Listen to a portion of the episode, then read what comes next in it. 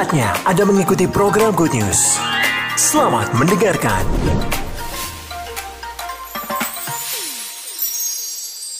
Shalom. Masuk di dalam bulan pengajaran di mana kita tahu kalau kita ing, uh, dengar kata pengajaran itu pasti ada yang diajar juga ada yang ngajar ya. Ada guru juga ada ada murid gitu ya. Ada guru juga ada murid.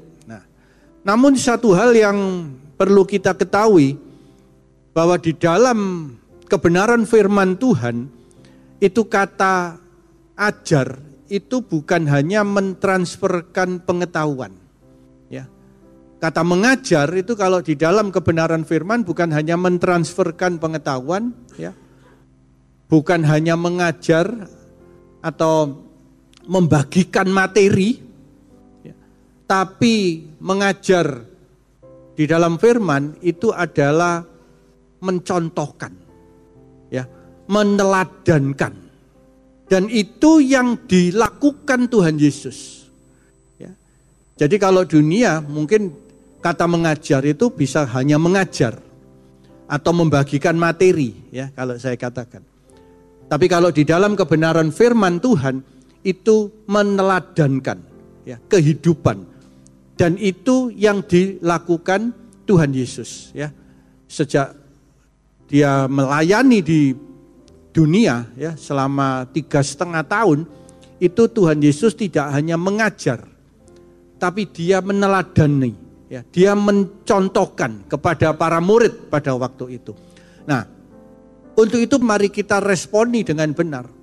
Apa yang sudah diteladani Tuhan Yesus ya apa yang sudah diteladani Tuhan Yesus tema khotbah saya adalah keteladanan Kristus ya keteladanan Kristus jadi bagaimana kita menyikapi bagaimana apa yang Tuhan sudah teladankan Bapak Ibu. Karena ketika keteladanan Kristus ini kita sikapi dengan benar, ya, maka gereja itu berdampak luar biasa. Amin. Ya. Jadi ini yang penting. Jadi gereja itu seharusnya cukup besar untuk berdampak, cukup kecil untuk peduli. Artinya cukup besar untuk berdampak itu siapa lagi yang harus saya layani? Ya. Siapa lagi yang harus saya doakan, yang harus saya teladani? Ya, cukup besar untuk berdampak. Ya. Dan gereja seharusnya juga juga memiliki tujuan ya ketika saya mengajar atau ketika saya mencontohkan itu sudah pasti tahu dia akan jadi apa lah itu. Ya.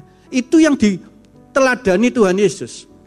Ketika ketemu murid, Tuhan tahu bahwa dia akan jadi murid Kristus. Ya. Ketika ketemu nelayan, Tuhan tahu bahwa dia akan jadi murid Kristus.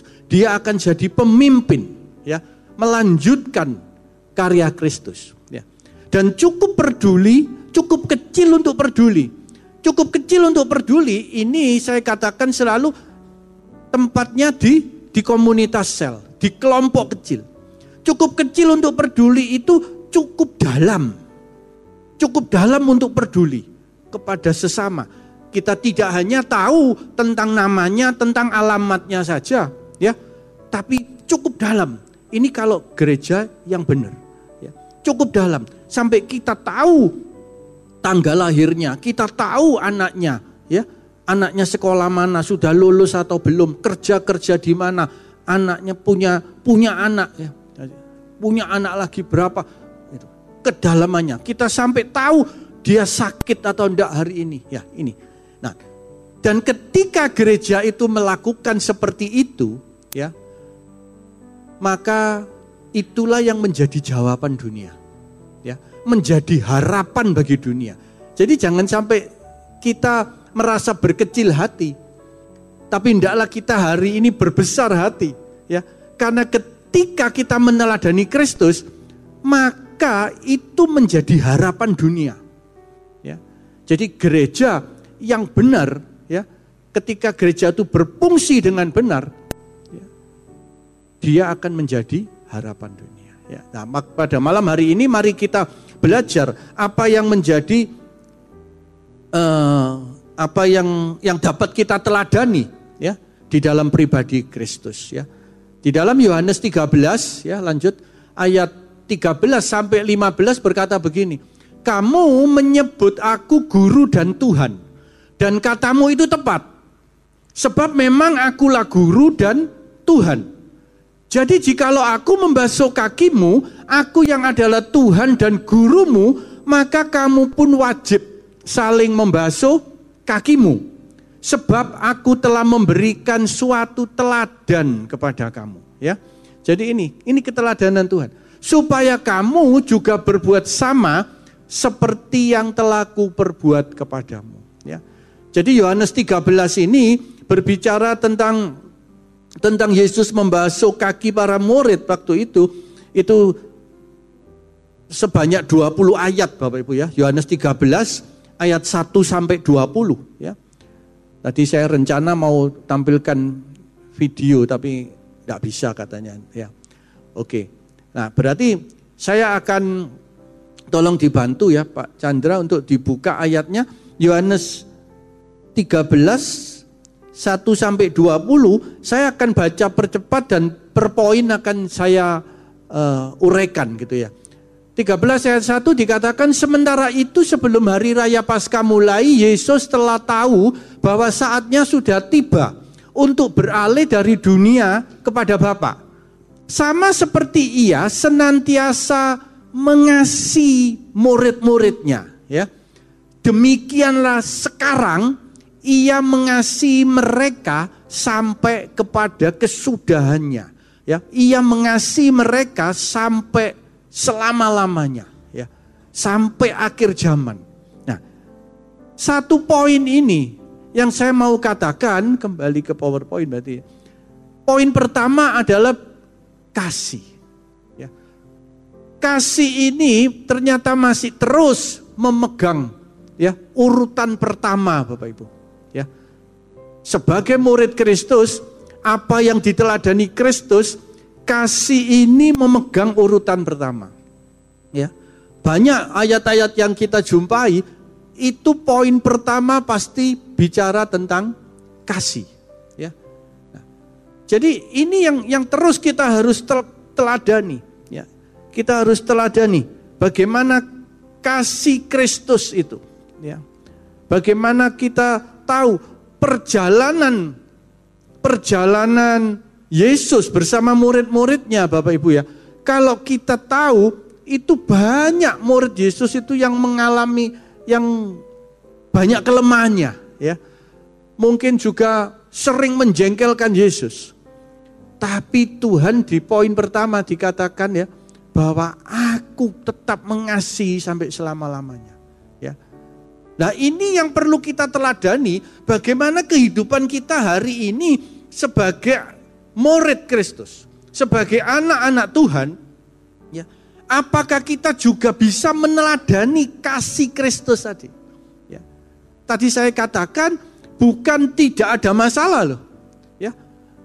Bahkan di dalam ayat ini nanti kita baca ada satu orang murid yang berkhianat. Ya, yang bernama Yudas itu. Tapi Tuhan katakan apa? Aku mengasihi. Aku mengasihi. Ya. Jadi di dalam kehidupan kita, mari kita renungkan. Ketika kita mengikuti Yesus, terlebih ketika kita di dalam mengiring Yesus dalam pelayanan, kita pasti ketemu orang-orang sing bencekno itu tadi. Ya. Tapi apakah kita tetap bisa mengasihi dia? Ya. Karena jelas 1 Yohanes 4 ayat 10 ya itu dikatakan bahwa kasih itu bukan karena kita yang mengasihi Bapa, tapi Bapa yang mengasihi kita. Ya, inilah kasih itu bukan kita yang telah mengasihi Allah, tapi Allah telah mengasihi kita dan yang telah mengutus anaknya sebagai pendamaian bagi dosa-dosa kita.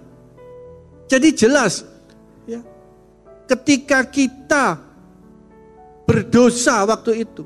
Itu kasih itu dari Bapak untuk kita. Ya. Nah ini. Ini bisa nggak kasih yang dari Bapak ini kembali saya katakan kita terus mengasihi. Yang tadi seperti Tuhan katakan bahwa di dalam perjalanan kehidupannya murid-muridnya itu banyak kesalahannya Bapak Ibu ya. Banyak kesalahan, bahkan yang ekstrim ya itu tadi. Ada satu yang berkhianat. Tapi kasih. Ya. Di dalam Yohanes 14 ayat 15 dikatakan begini. Jika kamu mengasihi aku, maka kamu harus menuruti perintah-perintahku. Ya. Jika kamu mengasihi aku, kamu akan menuruti segala perintahku. Ya, jadi ini ini urutannya. Yang pertama, kasih itu dari Bapa untuk kita. Ya, untuk kita. Sebelum ada karya salib kita tidak punya kasih. Ya. Jadi jangan sampai ketika saudara mengasihi orang, saudara merasa rugi. Jangan sampai. Karena kasih yang saudara berikan itu sebetulnya bukan kasih saudara dan saya, tapi kasih Bapak. Amin. Ya. Itu itu urutannya. Ketika kasih itu sampai, Yohanes 14:15 berkata, "Jika kamu mengasihi aku, kamu akan menuruti perintahku." Ini hebatnya Tuhan. Tuhan bukan katakan begini. Jika kamu mengasihi aku, ya, maka kamu akan apa? Berfokus memperhatikan aku, memberikan sesuatu kepada aku. Bukan. Tapi dikatakan kamu akan menuruti perintahku. Ya. Dan apa perintahnya itu? Yohanes 15 ayat 17. Perintahnya ialah kasihlah seorang akan yang lain. Ya. Inilah perintahku kepadamu. Kasihlah seorang akan yang lain. Ya. Bukan ini perintahku, kasihlah aku. Bukan. Ini keteladanan Kristus. Saya tidak katakan terus kita tidak mengasihi Yesus. Enggak. Tapi Tuhan Yesus jelas-jelas katakan, kalau kamu mengasihi aku, itu ketika kamu mengasihi orang lain. Ya. Nah ini kembali kita renungkan. Bisa nggak kita seperti ini? Ketika Tuhan mengasihi kita, Tuhan mau buktinya itu kita mengasihi sesama. Nah, sesama itu siapa? Apa orang yang baik-baik? Enggak. Termasuk orang yang berkhianat tadi. Ya. Termasuk orang murid Yesus yang menyangkal, yang enggak percaya, mungkin banyak banyak masalah. Ya. Terjadi sering perkelahian antara para murid ya, kita ingat ketika siapa yang terbesar. Jadi banyak memang itu manusia biasa semua. Tapi bisa nggak kita mengasihi mengasihi musuh. Ya, orang berkhianat itu musuh. Orang yang menyakiti kita itu musuh. Dan saya akan melanjutkan begini. Ketika kasih itu sudah saudara berikan kepada orang itu. Dan orang itu tidak membalas saudara. Sebetulnya itu yang diteladankan Tuhan. Artinya, orang itu pastikan saudara untuk mengasihi orang lain. Ya. Jadi jangan sampai jangan sampai begini. Tuhan mengasihi aku, aku mengasihi Tuhan. Tuhan mengasihi aku, aku mengasihi Tuhan. Itu bukan maunya Tuhan. Tapi Tuhan mengasihi aku, aku mengasihi sesama. Dan Tuhan mau, bukan sesama itu tadi yang mengasihi aku lagi. Ya, saya ambil contoh gini. Ketika saya, ini contoh ya, saya memberikan sesuatu kepada Pak Kris, kasih Ya mungkin berupa apa? Aqua itu ya, botol aqua. Ternyata Pak Kris tidak pernah membalas saya dengan memberian aqua. Tapi kita harus pastikan ketika Pak Kris bisa memberikan botol aqua itu kepada orang lain, itu yang dimaui Tuhan. Ya. Jadi jadi Tuhan mengajarkan kita kasih itu bukan bukan cuma mengasihi, tapi sudah tidak lagi berfokus kepada pribadi. Ya. Amin. Tidak lagi berfokus pada pribadi. Jadi jangan sampai saudara gini, Aku kurang api apa ambek orang itu bola balik tak tolong tolong tak tolong tapi gak tahu belas deh itu nulung aku gitu ya. Saudara cuma pastikan aja. Ketika dia tidak menolong saudara, apakah dia menolong orang lain? Kalau itu yang terjadi, itu tergenapi firman. Ya. Tidak apa-apa, nggak apa-apa. Ya. Karena itu yang dimaui Tuhan. Terus akhirnya mereka-mereka ya itu mengenal kasih itu ya orang itu misalkan mengenal kasih dari siapa oh dari Pak Edi misalkan ya akhirnya ketika orang yang kedua ini saya kasih tahu loh kasih dari siapa dari Yesus terus pusatnya ke Tuhan ya jadi tidak berhenti di kita kasih itu tidak berhenti di kita Ya. Terus juga apa ini? Kesaksian itu tidak berhenti di kita. Bukan kita yang baik, tapi Tuhan. Akhirnya mereka-mereka fokusnya kepada kepada Yesus. Ya. Jadi ini poin satu Bapak Ibu. Poin yang pertama ya, bahwa kasih itu seperti itu. Jadi saudara tidak usah bingung gitu ya. Ketika mengasihi dan orang itu gak bales, tidak apa-apa. Tapi pastikan orang itu melakukan kasih nggak ke orang lain. Kalau enggak, ya berarti saudara masih terus kurang kasih terus. Ya, ini namanya keteladanan tadi. Ya, seperti Yesus, seperti Yesus. Yesus itu kepada para muridnya terus, terus ada yang mesti dablek, ya enggak apa-apa, kasih terus. Ya, sampai yang berkhianat pun itu loh, itu dikasih. Ya, nanti ada sesuatu yang yang yang apa yang penting juga ya. Saya lanjutkan dulu. Waktunya takut nggak cukup. Ya. Mungkin ayat yang kedua tadi. Ayat yang kedua, mereka sedang makan bersama dan iblis telah membisikkan rencana dalam hati Yudas Iskariot anak Simon untuk mengkhianati dia. Ya, tiga.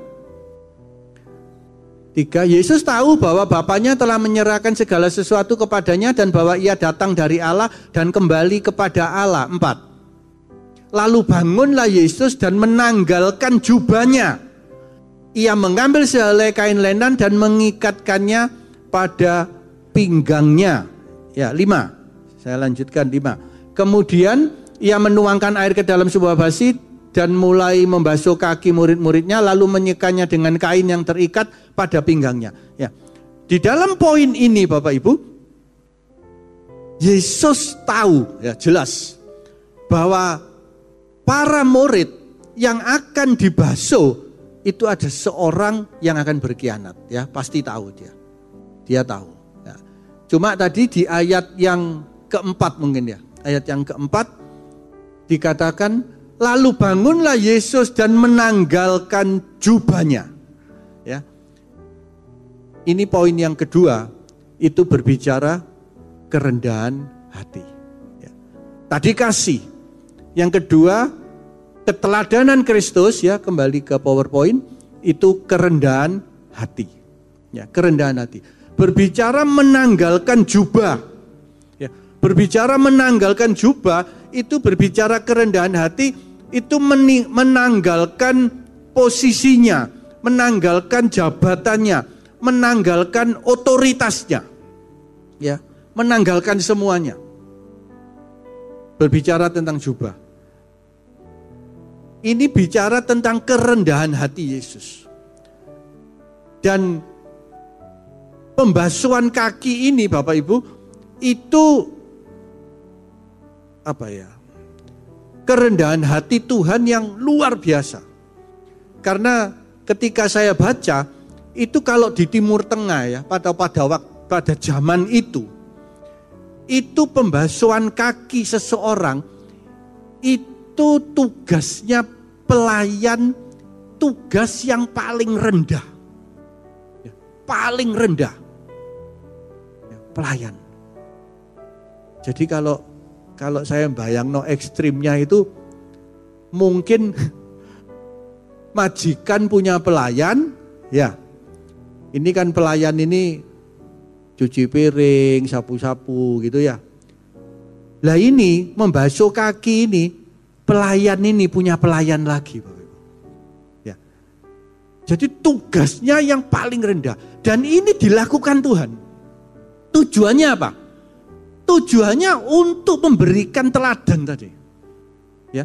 Jadi kita ini disuruh atau di maui Tuhan, kerendahan hati itu waduh benar-benar ekstrim apa ya. Kerendahan hatinya itu tidak nanggung-nanggung. Ya.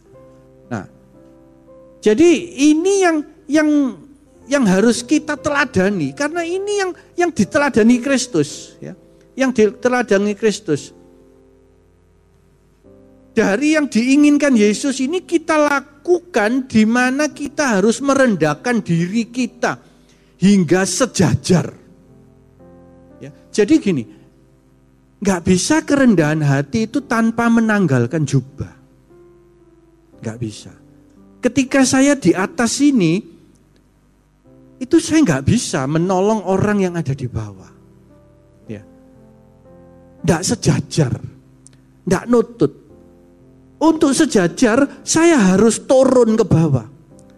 Turun saya. Ya, saya harus turun sejajar dengan orang yang ditolong. Amin. Ya. Ini ini yang dimaui Tuhan. Jadi nggak bisa orang-orang yang mau rendah hati tetap di atas. Nggak bisa. Harus turun ke bawah. Sejajar.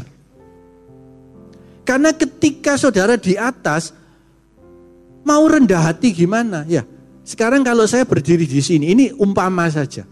Saya mau rendah hati ambil orang. Saya mata memandang ini loh saya tidak kelihatan orang. Ya, Orangnya di bawah, saya tidak kelihatan. Jadi kita ini harus harus turun sampai ketemu orang. Nah itu yang yang dimaui Tuhan. Dan saya tambahkan begini Bapak Ibu. Kerendahan hati itu sebetulnya tidak hanya bicara tentang jabatan atau posisi. Tapi sebenarnya kalau di hadapan Tuhan itu berbicara tentang sikap hati. Sikap hati.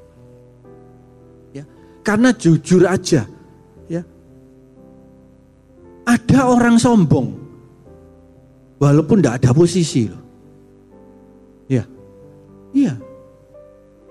Ya ini maaf ya, kasarannya orang yang di luar sana mungkin orang miskin gitu.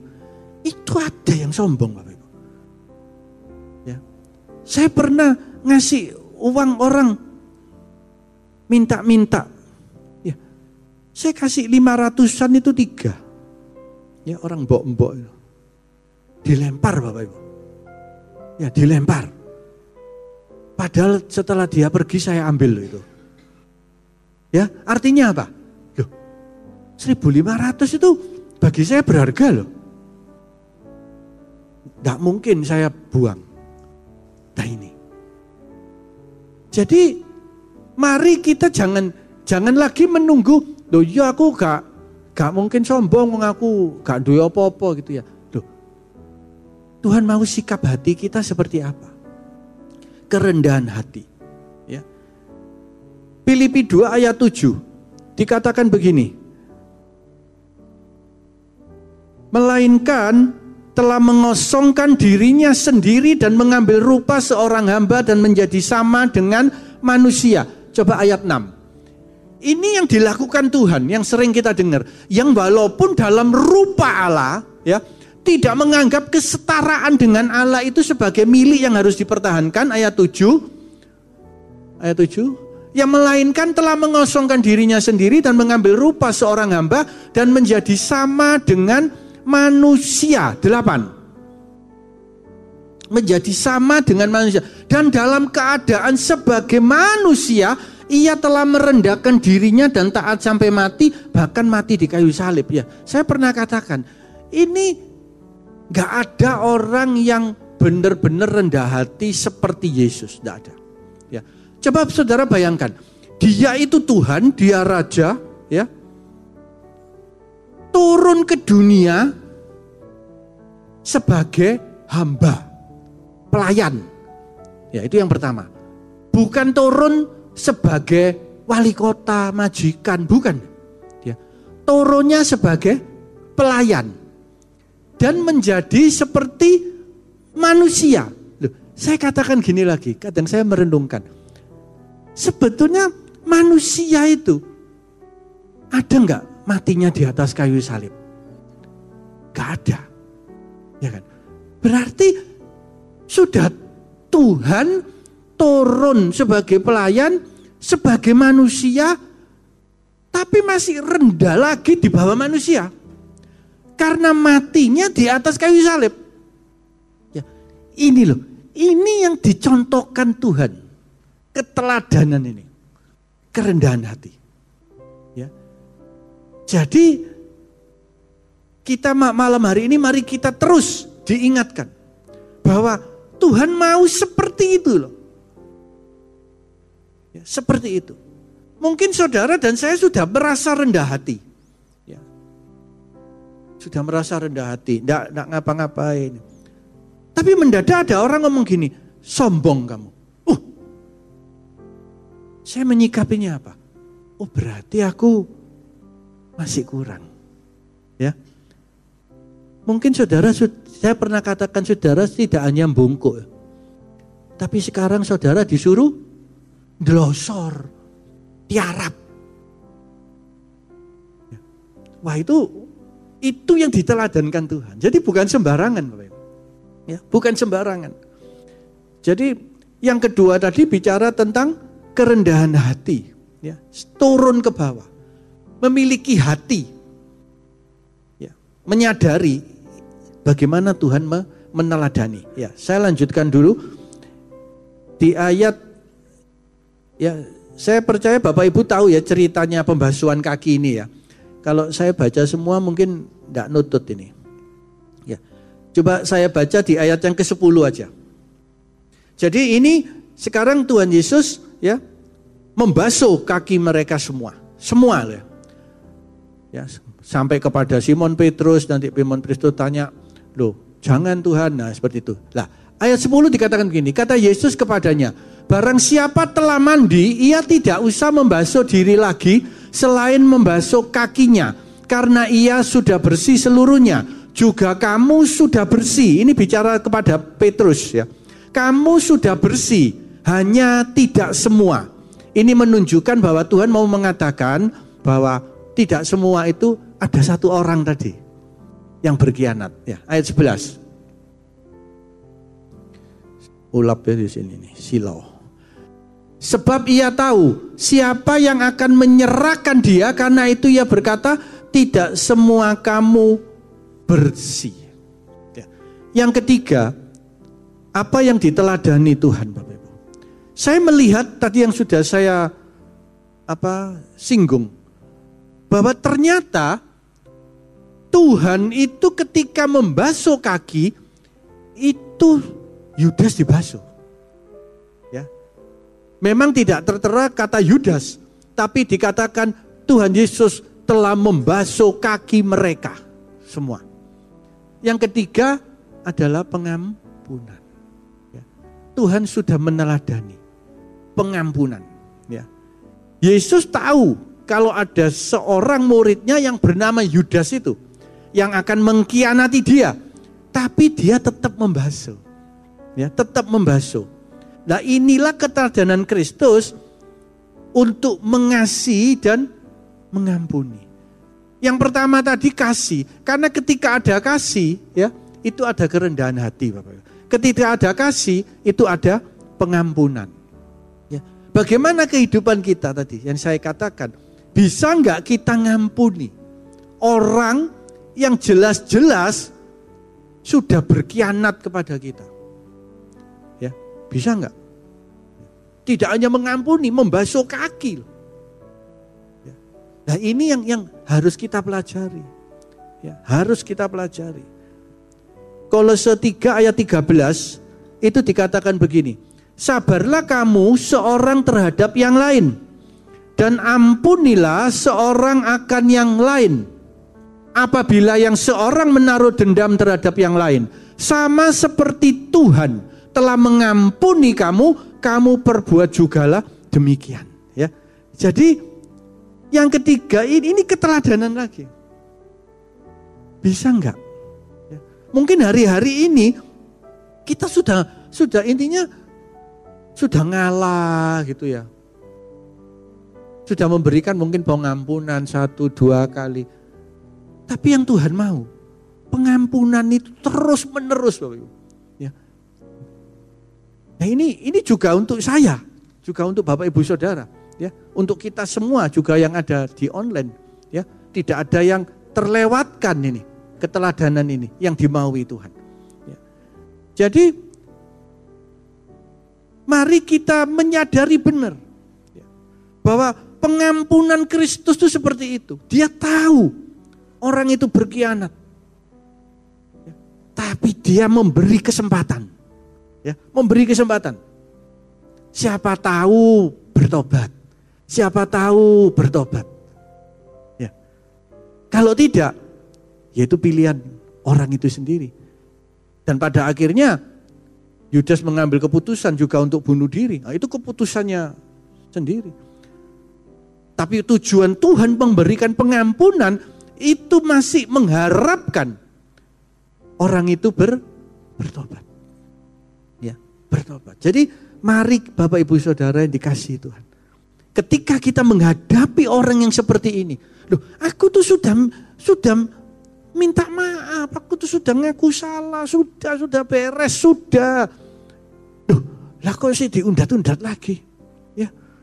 Loh kok masih disalahkan lagi? Terus, loh iya wes sudah. Ya. Ya sudahlah, tak ampuni.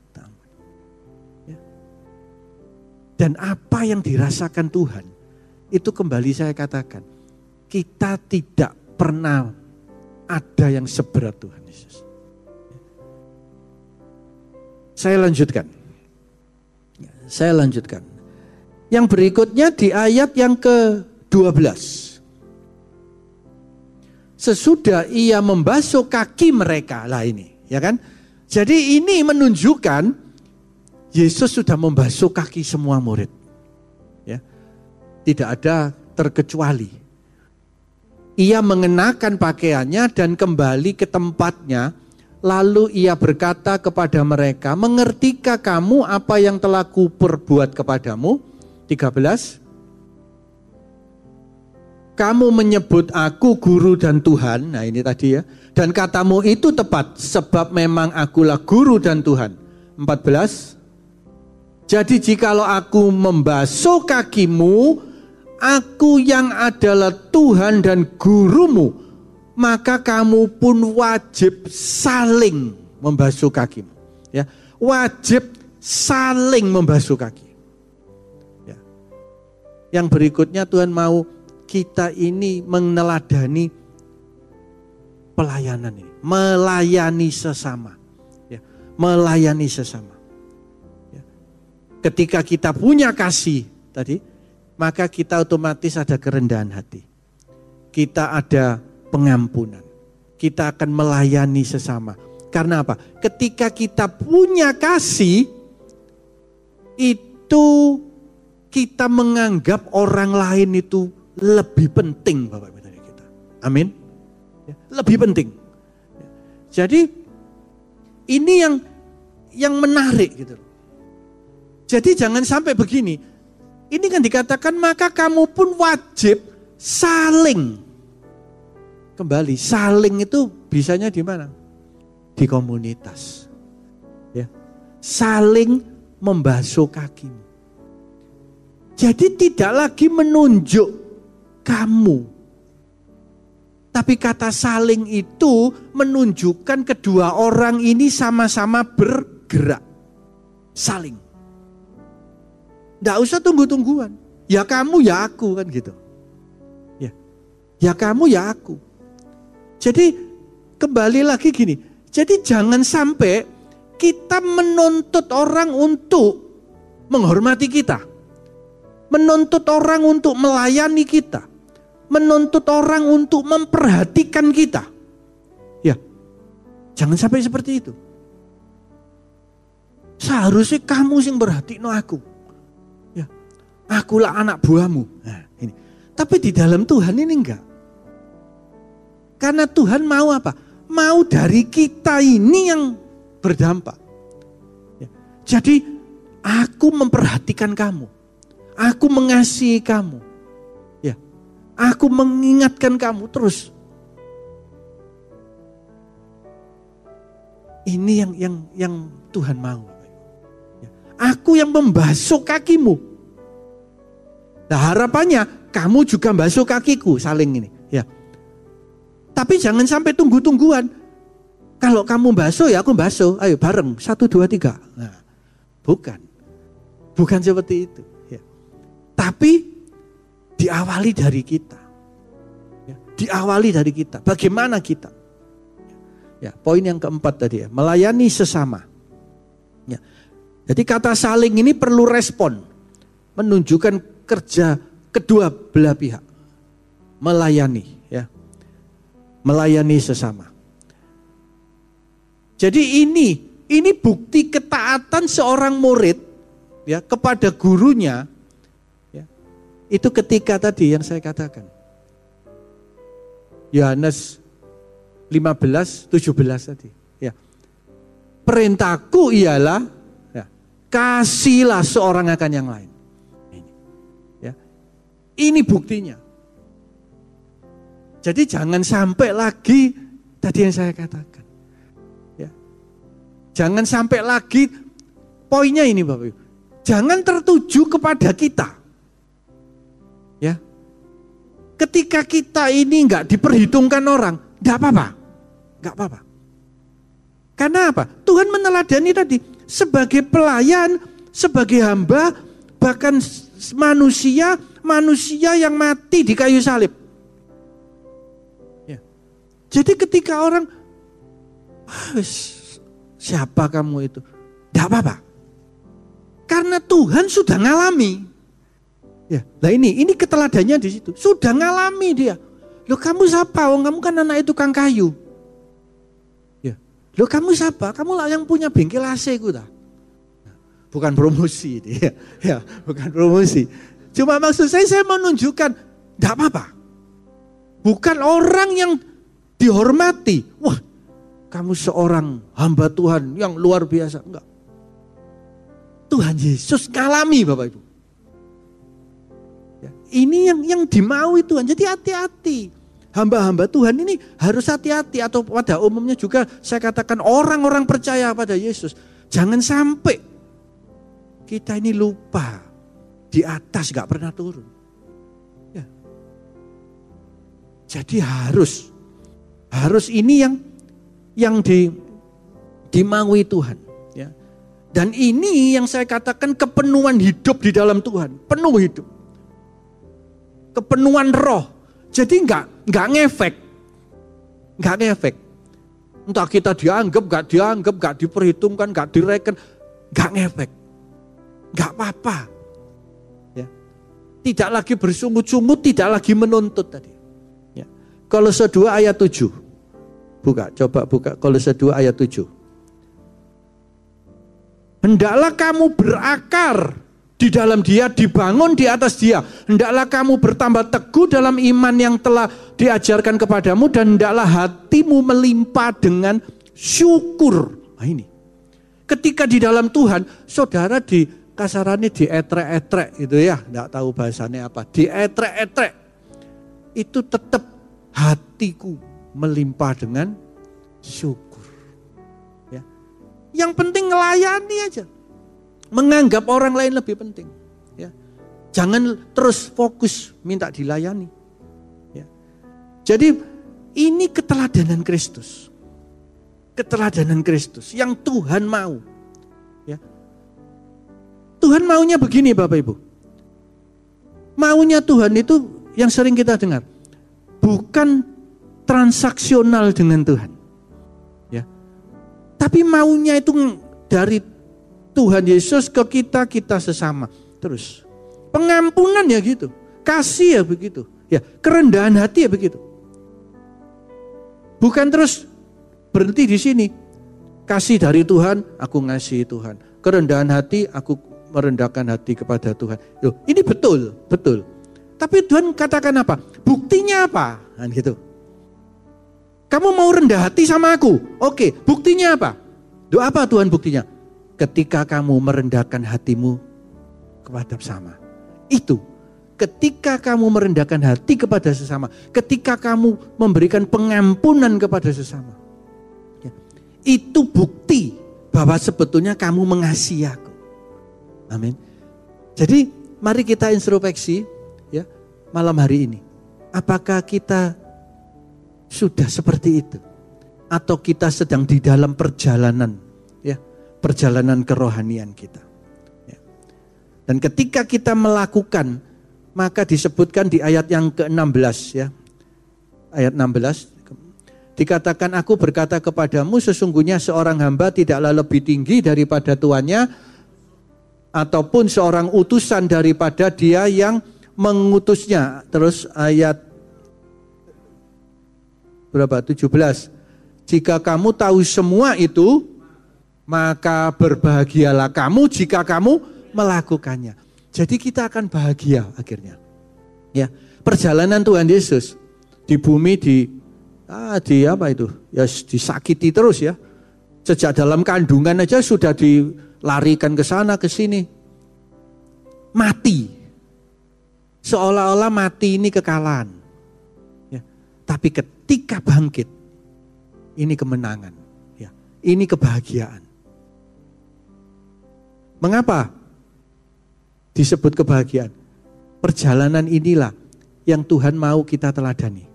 Ya, ini melakukan perintah-perintahnya terus, terus, terus, terus, terus, terus, terus sampai mati bangkit. Dan kita memperoleh kemenangan. Amin Bapak Ibu. Ya. Jadi mari kembali malam hari ini. Ini Coba kembali PowerPoint ya. Empat hal tadi ya. Silakan pemusik bisa kembali. Empat hal tadi yang yang apa? Yang diteladankan Tuhan ya. Kasih, kerendahan hati, pengampunan dan melayani sesama ya. Kita mau total Bapak Ibu ya, mau total ya. Ayat yang ke-18 sampai 20 saya baca ya sekalian biar pas Bukan tentang kamu, semua aku berkata, aku tahu siapa yang telah kupilih.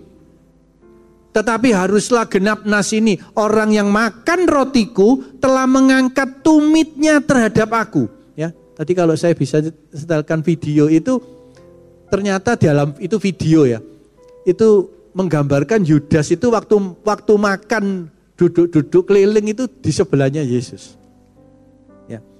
Nah, mengangkat tumitnya. Mengangkat tumitnya itu kalau kuda itu ternyata katanya anu, menendang menendang tuannya. Ya. Ayat 19, aku mengatakannya kepadamu sekarang juga sebelum hal itu terjadi supaya jika hal itu terjadi kamu percaya bahwa akulah dia. 20, aku berkata kepadamu sesungguhnya lah ini yang penting lagi ayat 20. Barang siapa menerima orang yang kuutus, ia menerima aku. Dan barang siapa menerima aku, ia menerima dia yang mengutus aku. Ya, Tuhan memberikan pesan kepada setiap kita. Ya, siapa pun orangnya Bapak Ibu. Ketika itu diutus Tuhan, saudara harus merespon dengan benar. Ya, saudara harus percaya. Karena ketika saudara percaya, itu sama aja. Saudara percaya kepada Yesus. Nggak peduli orang itu seperti apa. Yang penting ketika orang itu melakukan apa yang Tuhan mau, ya, maka saat itu saudara sedang sedang meresponi Tuhan Yesus. Apa yang saudara responi? Saudara menghormati orang itu. Saudara sedang menghormati Tuhan Yesus. Ya. Di ayat yang terakhir Matius 23 ayat 3. Ya. Ini jelas. Kita tidak lagi melihat orangnya, tapi ketika orang itu melakukan perintah Tuhan, maka saudara harus menghormati. Sebab itu turutilah dan lakukanlah segala sesuatu yang mereka ajarkan kepadamu. Tetapi janganlah kamu turuti perbuatan-perbuatan mereka. Ya. Jadi saudara tidak usah ambil pusing oh, orang itu begini. Pokoknya yang diberitakan tentang Yesus, tentang firman, saudara responi dengan benar. Karena itu untuk untuk kita. Amin Bapak Ibu. Ya. Jadi mari kita responi keteladanan Tuhan. Ya. Tuhan Yesus memberkati, beri tepuk tangan untuk Tuhan kita Yesus. Haleluya.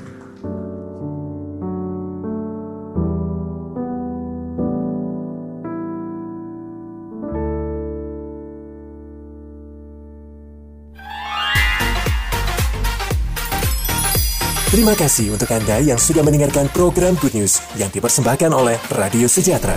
Untuk Anda yang rindu mendapatkan layanan konseling dan dukungan doa, silakan menghubungi hotline 0812 33 33 6392. Para konselor dan para pendoa Diaspora Sejahtera Caring Ministry siap untuk melayani Anda.